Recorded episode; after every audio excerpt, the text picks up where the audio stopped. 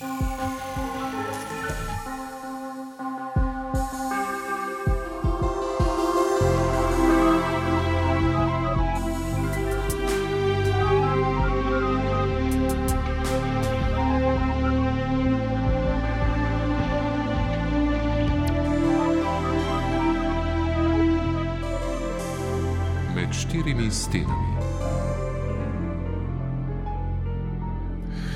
Vlado Peterlin je pred sedmimi leti na poti domov vozil prehitro pod vplivom alkohola in ni bil pripet z varnostnim pasom. V prometni nesreči je utrpel tako hude posledice, da je postal tetraplegik. Že nekaj časa je ambasador zavoda Vozim ozavešča mlade, da alkohol in volan ne gresta skupaj. Sam pripoveduje. Moja pot od službe do doma je na mesto deset minut trajala osem mesecev. Vlada Peterlina je v odajo med štirimi stenami povabila Petra Medved. Spoštovane poslušalke, cenjeni poslušalci, lepo pozdravljeni. Dobar dan želim tudi našemu današnjemu gostu, gospodu Vladu Peterlinu. Dobar dan. Gospod Peterlin, aprila leta 2014 ste imeli prometno nesrečo, utrpeli ste zelo hude poškodbe in postali tetraplegik. Kaj se je zgodilo tistega dne? Nesreča se vam je zgodila nedaleč od vašega doma. Tistega dne, se pravi aprila, bom rekel tako po službi, delal sem v gostinstvu, no, po službi, ko smo končali, bil velikonočni ponedeljek, smo zaključili z delom, smo se sodelavci usedli za mizo, veselo nazdravili za ključku, se pravi, smo popili dve pivi in na to sem se odpravil domov. Domača cesta je bila, se pravi, kot tudi statistično pravijo, da je največ prometnih nesreč se zgodi glih na domačem terenu. In uh, sem šel domov, bila je tema, noč utrujen sem bil po 12-urnem delovniku. Sem prehitro zapeljal v domačem ovinku, se pravi, dva ovinka pred hišo dobesedno, prehitro zapeljal v ovinek, uh, se pravi, tudi bil je alkohol zraven vključen, ne? in me je odneslo z ovinka. Zaletel sem v odbojno ograjo, avto je vrglo v zrak, skotalilo dol proti sosedovim trtam, in ker tudi nisem bil zapet, ker se mi je zdelo, ali sem pozabil, ali pač tisto občutek, ko si nekako doma, pa se pač ne zapneš, me je vrglo ven z avta. Tako da pol, ko me je sosed najdel, ne, avto, je prva misel, da človek je pobegnil, ne, potem me le najdel deset metrov od avtomobila ležati v travi. Tako da takrat je potem videl, da nekaj ni zelo dobro, ne, da, da se je nekaj hudo zgodilo. Uh, neč, potem so prišli rešilci in odpeljali, jaz se spomnim samo siren. In takrat sem mi je že priblisknil, da je nekaj hudo narobe. Ne. Vožnja je sledila seveda v Šempetrsko bolnico, tam, ker sem z Goriških brduma. Potem so ugotovili za hude poškodbe, tako da sem potem peljali v Ljubljano, v klinični center, kjer je trajala ena 8 ur operacija, da so me sestavili skupaj vratno vratence. Se pravi, šesto in sedmo vratno vratence mi je v škarje skupaj zbilo, tako da je predkinilo hrbtenjačo in je pripeljalo do najhujšega, se pravi, do težje telesne poškodbe, da sem ostal hrom od podpazuhe navzdol, ne čutim telesa, roke delajo na pol in uh, sem predstavljal kot tetraplegik na vozičku. No. Stari ste bili 36 let. 36 let, ja. In uh, 37. rojstni dan maja sem praznoval na Citu v Ljubljani, v kliničnem centru. Tja je prišla takrat še ožja familija me pogleda, takrat sem tudi prvi sina videl po enem mesecu in takrat sem se že zavedal, da se je življenje obrnilo na glavo. No. Kako je, ko ste ugotovili, da bo zdaj življenje drugačno? Ma, moram povedati, da trenutni občutki so bili tisti moment zelo grozni, no, mislim, res ne, ne človeški. No. Ko se zavedaš, da ne moreš premikati nič, razen nekako na pol glavo in malo oči, ker tisti moment tudi rok nisem mogel uporabljati, ne. tako da sem ležal kot ena klada na pojstli, tam te obračajo, 24 ur so sestre okoli tebe in je grozen občutek, no, neprijeten. Sploh, ko veš, da imaš družino doma in da si neki fajn, fajn zašuštral. Kaj vse ste premišljali, ko ste bili v bolnišnici, ko ste bili praktično ja, negibni? Se ti prepleta, kaj bi, če bi, ne, s tistim, kaj bi bilo, če ne bi tako, če bi se zapel, če ne bi spil, če bi bolj počas pripeljal. Ne. Eh, tistih čejev je ogromno, ma jih moraš enostavno preskočiti in se zavedati, kaj se ti je zgodilo, in s tistim pa nekako se odločiti, da boš naprej živel. No. So bili alkohol, utrujenost, prehitra vožnja prav razlog za prometno nesrečo? Ja, prav, vse to je bilo en skupek tak uh, razlogov, ne, ki jih tudi jaz uh, zdaj razlagam drugim, ne, ne se pazijo, se pravi, ja, alkohol definitivno uh, problem, potem se pravi prehitra vožnja, ker se po, počutiš domačega na cesti, ki poznaš uvinke miže. In tudi to, da nisem bil za pet z varnostnim pasom. Ne, če bi bil za pet, mogoče bi me tudi obdržala v avtu, pa ne bi bilo takih hudih poškodb. Ne. Ko me je pa vrglo ven z avta na glavo in je zlomilo vratna vrtenca, ker vse ostalo je ostalo celo. Ne. Koliko časa ste preživeli v kliničnem centru v Ljubljani? V kliničnem centru sem bil prvo en mesec na CIT-u, se pravi na intenzivi en mesec na oddelku, tako da sem dva meseca bil v kliničnem centru, po dveh mesecih so me pa predstavili v Uri Sočo, uh, kjer sem preživel potem še šest mesecev na rehabilitaciji. Tako da moja pot od službe do doma na mesto deset minut je trajala osem mesecev. Rehabilitacija je bila dolgotrajna in zahtevna. Kako je potekala? Ja, šest mesecev v Soči, tam se matrajo s tabo, te učijo, kako ti olajšati življenje, da bi čim več stvari lahko sam počel. Se pravi, meni je bila najbolj pomembna prva dve stvari, recimo to, da sem si lahko samostojno zobe opravil, recimo, da ti ne medicinska sestra skrtačko uh, šari po zobeh, a pa to, da sem recimo lahko z roko sam prišel do ust, s prilagojeno žlico, recimo, da se lahko začneš sam hraniti, da te ne pitajo, da lahko kakšno stvar z roko premakneš telovadiš, razgibavaš se, tako da se navadiš z vozičkom voziti, da se usposobiš toliko, da si kokar tok, približno, vsaj malo samostojen, kar lahko. No. V bistvu so vas naučili maksimalno izkoristiti vsak gib.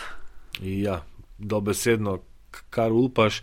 In tudi gotoviš, da tudi če ti prsti na rokah ne delajo, recimo, da lahko primeš kozarec z dvema rokama, da zahaklaš nekako v tisto ročaj prste not. Um, tako da, ja, maksimum, kar upajo narediti s tabo, ne, zato pa traja šest mesecev rehabilitacija, da ti postopoma počasi pridobivaš na teh uh, motoričnih sposobnostih na drugačen način. No. Pred nesrečo ste bili polni načrtov, prenavljali ste hišo. Kako takšna nesreča zareže v družino? Taka nesreča v družino zareže zelo, zelo globoko. Se pravi, tudi moram gledati družino kot ženo in otrok, prvotno, potem so tukaj še sestra, mati, oče, celotna družina. Ne. Hišo sva ženo kupila, glih štiri leta pred nesrečo, sva imela za obnoviti. Tako da potem bom rekel, z donacijami slovencev, eh, z donacijami, se pravi, družine ne, in kar sva še z ženo imela nekaj, smo pač vložili v hišo in prilagodili, se pravi, tudi z dvigalom noter. In prilagodili tako, da je vse dostopno, se pravi, od kopalnice, kuhinje, dnevne sobe, spalnice. Ne da vse je prilagojeno tako, da se jaz lahko prosto premikam in da se tudi lažje usedem na pojstvo oziroma grem v kopalnico in da tudi pridem dejansko v hišo z dvigalom. Ne. Tako da je bilo kar treba uložiti dosti truda in denarja, da smo vse to nekako prebrodili in sestavili hišo tako, da je zdaj dostopna, da se lahko prosto gibam. Kako ste se spopadli z invalidnostjo? Kaj je bilo najtežje? E, najtežje je bilo to se navaditi, da v bistvu ne moreš hoditi, ne, da ne moreš z otrokom početi stvari, ki bi jih rad počel, uh, da ne moreš smučati, da ne moreš na morje hoditi, plavati normalno. Take stvari so bile največji izziv, kako zdaj to z otrokom, kako zdaj uh, hoditi na dopust, na počitnice, ker glih tako imaš mehkega otroka, takrat je bil glih štiri leta star in mu moraš nuditi normalno življenje naprej. Ne. Katere pa so skrite posledice, ki jih prinese poškodba hrbtenjače, recimo, kako pravite s temi težkimi dnevi? Oh, ne vem, kako skrite težave so v, bom rekel, nas samih notar. Se, ko smo na vozičku, pa če gremo ven, pa na kavico, pa na koncert, pa na morje, noben ne vidi, kaj vse prenese v zadnji. Se pravi, to so, so krči, so bolečine, so problemi z odvajanjem, ne, so problemi z oblačenjem. Vedno rabiš nekoga v sebi, da ti pomaga, da te obleče, da te pripravi, se pravi, za na WC, da te štima za potuš. Tako da je tukaj cel sklop enih stvari, ki rabiš konstantno pomoč, ne, zato imam tudi osebno asistenco, ki mi hodi domov zjutraj, da me pelje kam, da uštivamo vse te, bom rekel, nujne zadeve, ki jih navaden človek upravi spontano, ker ti ne ve, da to počne. No. Tako, da se spopadaš in delaš, si vlajšaš nekako no, vsak dan. Zaradi nesreče se spremeni tudi družinsko življenje, kot ste že rekli. Vam je oporo žena. Kako pa je vaš sin sprejel vašo invalidnost? Danes je star 11 let. Eh, ja, danes je star 11 let. Ja, sin je sprejel nekako, rekel, malo tudi stresno, bi lahko rekel, no, za tazga mehanga fanta, ki je bil, bom rekel, zelo je previden, zelo je občutljiv na stvari, ki se ne dogajajo tako, kot bi se morale. Ne.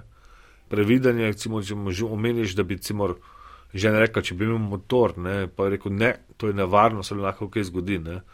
Tudi na kolesu, recimo, ko gremo ne, skupaj, kam je zelo previdno vozi, zelo pazljivo.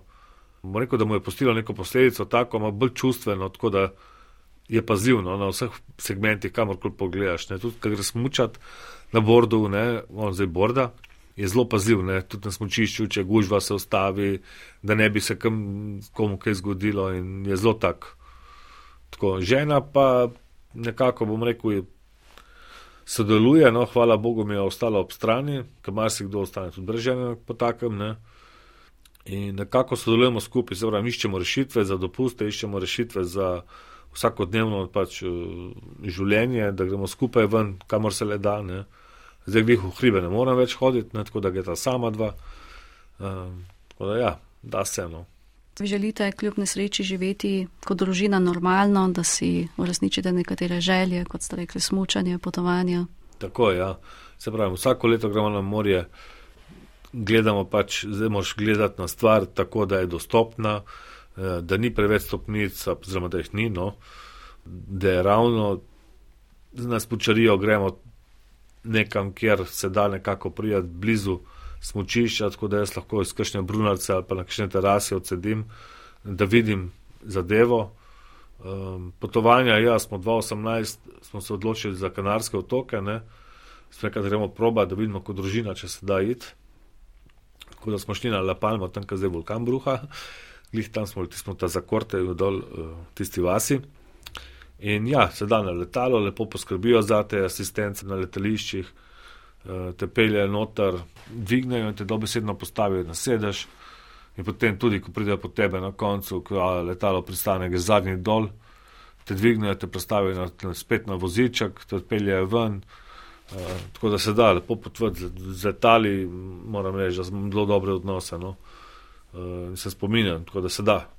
In tudi potem smo rentali avtomobil in smo bili recimo lepo na kanarskih otokih, pregledali smo vse, kamor smo šli, lahko skupaj smo šli, če kam nisem mogel, sem počakal. Pa smo imeli možnost iti na delfine gledati, recimo je bila neka ladica, ne? so nas uh, izlet za kite, delfine in sin si zaželel to in seveda gledati. Ne? Vse ko redo, videl petane, pa pač počakal v marini. Ne? In potem tam je bila taka izkušnja, sem, da so mene gledali tam fantje, pa sem rekel, jaz bi tudi šel, ne, se rekel, ja, lete, sej pa bomo nekaj naredili, ne, pa jaz ko pa ne. Pa do ladice je levna potka, oska, uh, stopnice noter za, za na to barko. Ne.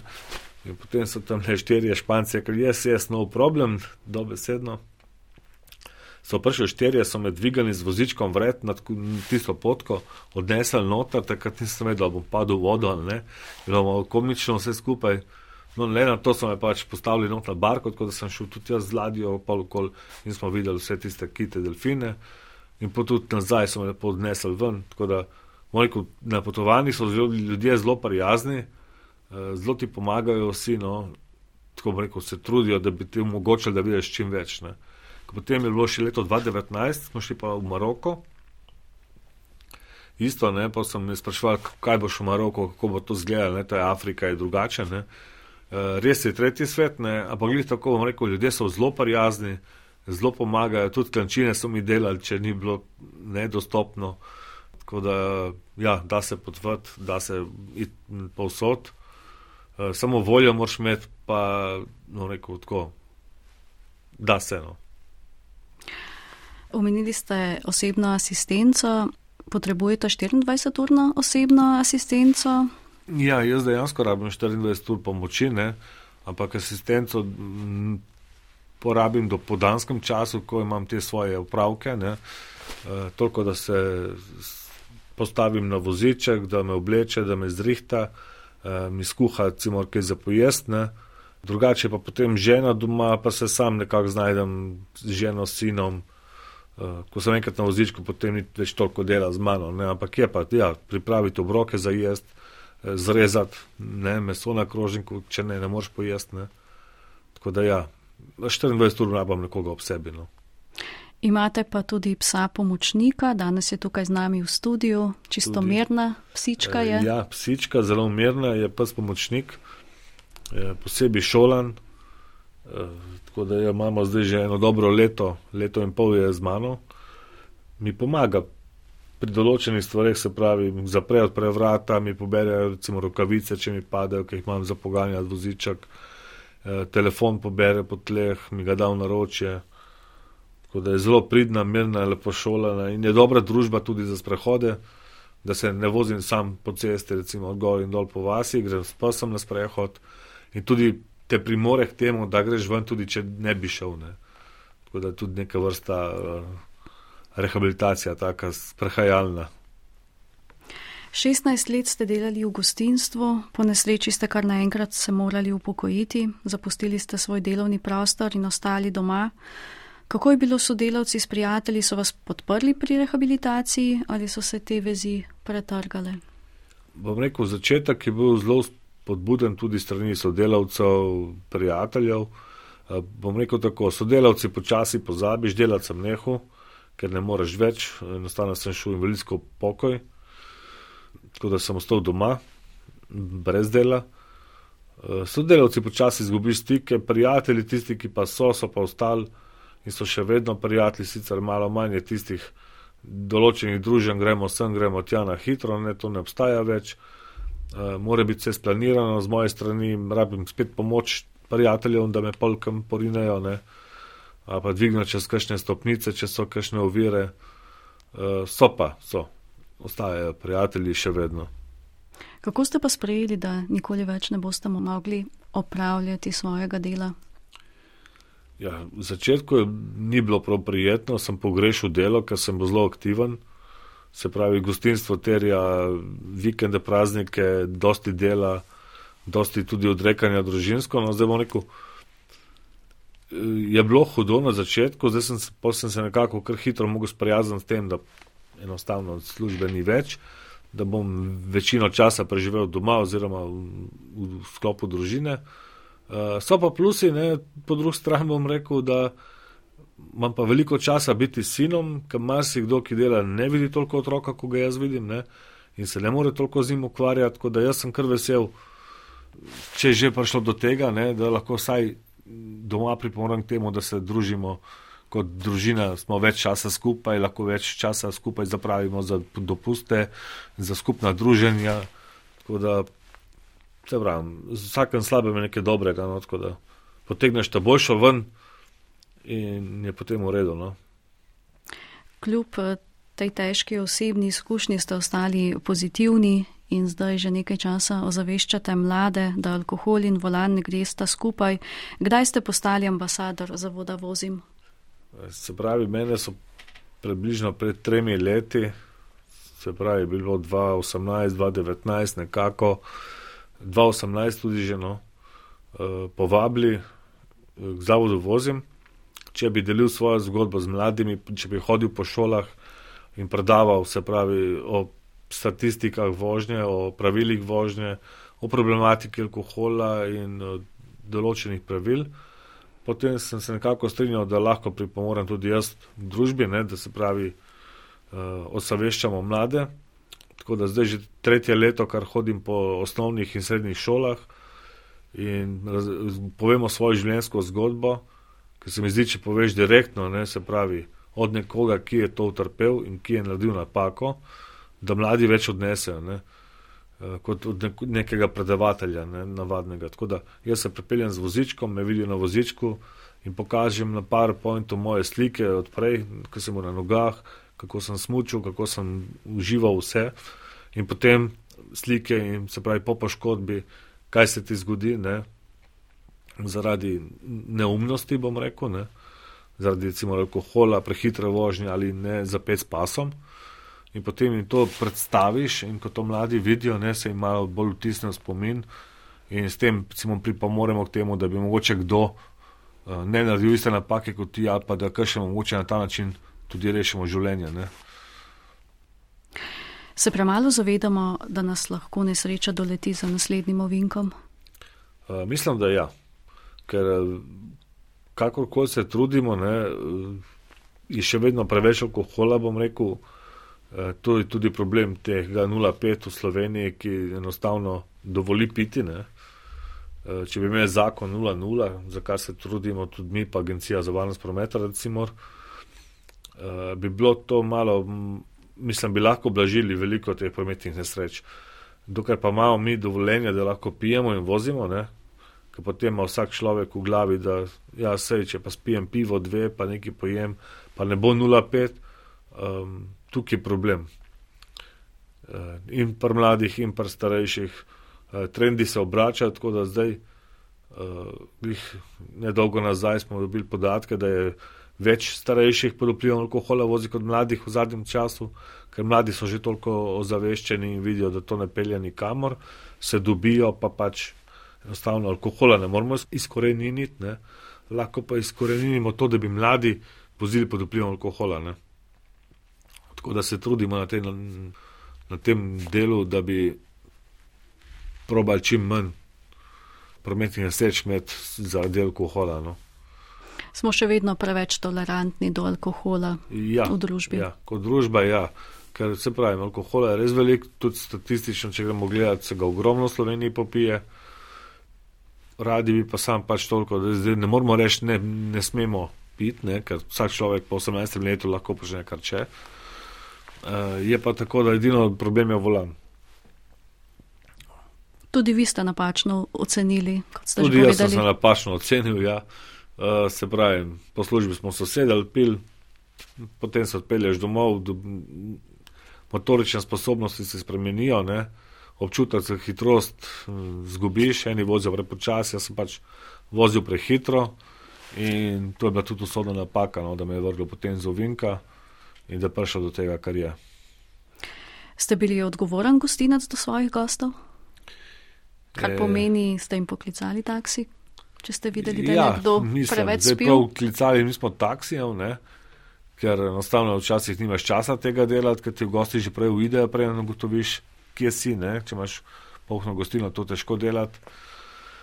Uh, smo pa tudi, se pravi, če so bili fajn vinjeni, rečeš, da je dovolj, da če bi kakšno kavo, ne, uh, potem vprašaš, če imajo koga, ki bo vozil na mesto njih. Ne. Tako da ja, smo povedali, ali pa nismo dali več za pet, ko se vidi, da človek že preveč spil, pa si imel pa vse kregati z njimi. Ne.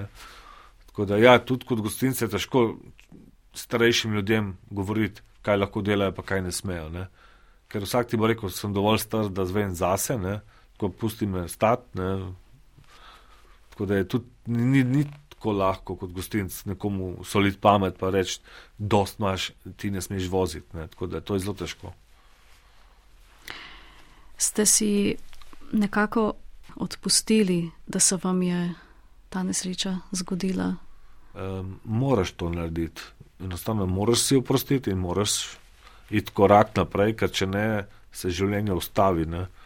Ker če bi, se pravi, zdaj ne si odpustil, ne? potem lahko zapadeš v kakšno depresijo, v kakšne psihične probleme in potem to lahko škoduje tudi družini naprej. Ne? Se pravi, ti moraš sam pri sebi razčistiti, videti, da si naredil napako, presekati in iti življenje naprej. Ne? Oprosti si nikoli, po mojem, ker si misliš, lahko bi bilo drugače, ne? ampak lahko mi pa tudi ne bi bilo. Ne? Tako da ja, še sem kle z vami, tako da lahko debatirava. Uh, živ sem ostal, sicer po neki sreči, ne? tako da ja. Kako gledate zdaj na življenje, sedem let po nesreči? Uh, pa moram reči, da ni, ni tako grozno. Ne? So bili v začetku hudo, vedno lažje. No, rekel, vedno lepše vidim, da gre življenje naprej, vidim, da mi sin odrašča, vidim, da žena sva v redu skupaj, da življenje poteka nekako normalno naprej, čeprav imam določene stvari, ki jih rihtamo. Ne? Ampak meni se zdi, da je v redu. No? Tako da jaz se bam fajn, mislim fajn. Kolikor lahko, ne v takem stanju. Uh, bom rekel, včasih komu rečem, vse mi naš ne manjka, ne pač ne vem, jaz sedim tisto izran mene na kafe gremo lahko lih tako skupaj, ne, na koncert gremo lih tako skupaj, na more gremo lih tako skupaj. Uh, jaz lahko plavam še vedno, če je dostopno. Ne. Tako da, ja, da, življenje gre naprej. Ne. Bližajo se prazniki, to je tudi čas zabav in alkohola. Kakšno je vaše sporočilo? Ja, jaz bi rekel tako, ne, zdaj ne moramo reči ne pit, ker to enostavno ne gre. Se pravi, vsak ima svoje volje, vsak ima svoje potrebe in želje. Če pa se že pije, je pa tako, če imamo od nas za alkohol, imamo tudi za taksi. Uh, v skrajnem primeru ne pelje nekdo, ki ne uživa alkohola, ali pokličemo starše, ali pokličemo babico, detka, nonota, teto, strica. Mislim, da je vse lažje preživeti uh, kakšno kritiko od staršev, ne, kakor eh, presedeti potem cel življenje na vozičku, oziroma biti še hujše, se pravi smrt. Ne. Tako da jaz bi rekel, sem zdaj v teh praznikih, ki se bojo zabavali s kuhanički in uh, s kostanjem, ne, potonom. Uh, ne, ne imajo glavo na mestu, ne postoji avto tam, kaj ne uporabljajo, rajši javni prevoz, samo ne se ne vse za volan pod vplivom alkohola, ki lahko rešijo življenje sebi, ki še mu drugmu. Uh, in ja, tako da prost, bi rekel, alkohol puste nezavolano. Gospod Vlado Petalin, hvala vam, ker ste z nami delili svojo življenjsko zgodbo. Vse dobro vam želim. Hvala tudi vam za, za povabilo. Spoštovane poslušalke, cenjeni poslušalci, gost odaje med štirimi stenami je bil Vlado Petrlin. Odajo sem vodila Petra Medved, tonska realizacija Franci Modar. Lep in uspešen dan vam želimo.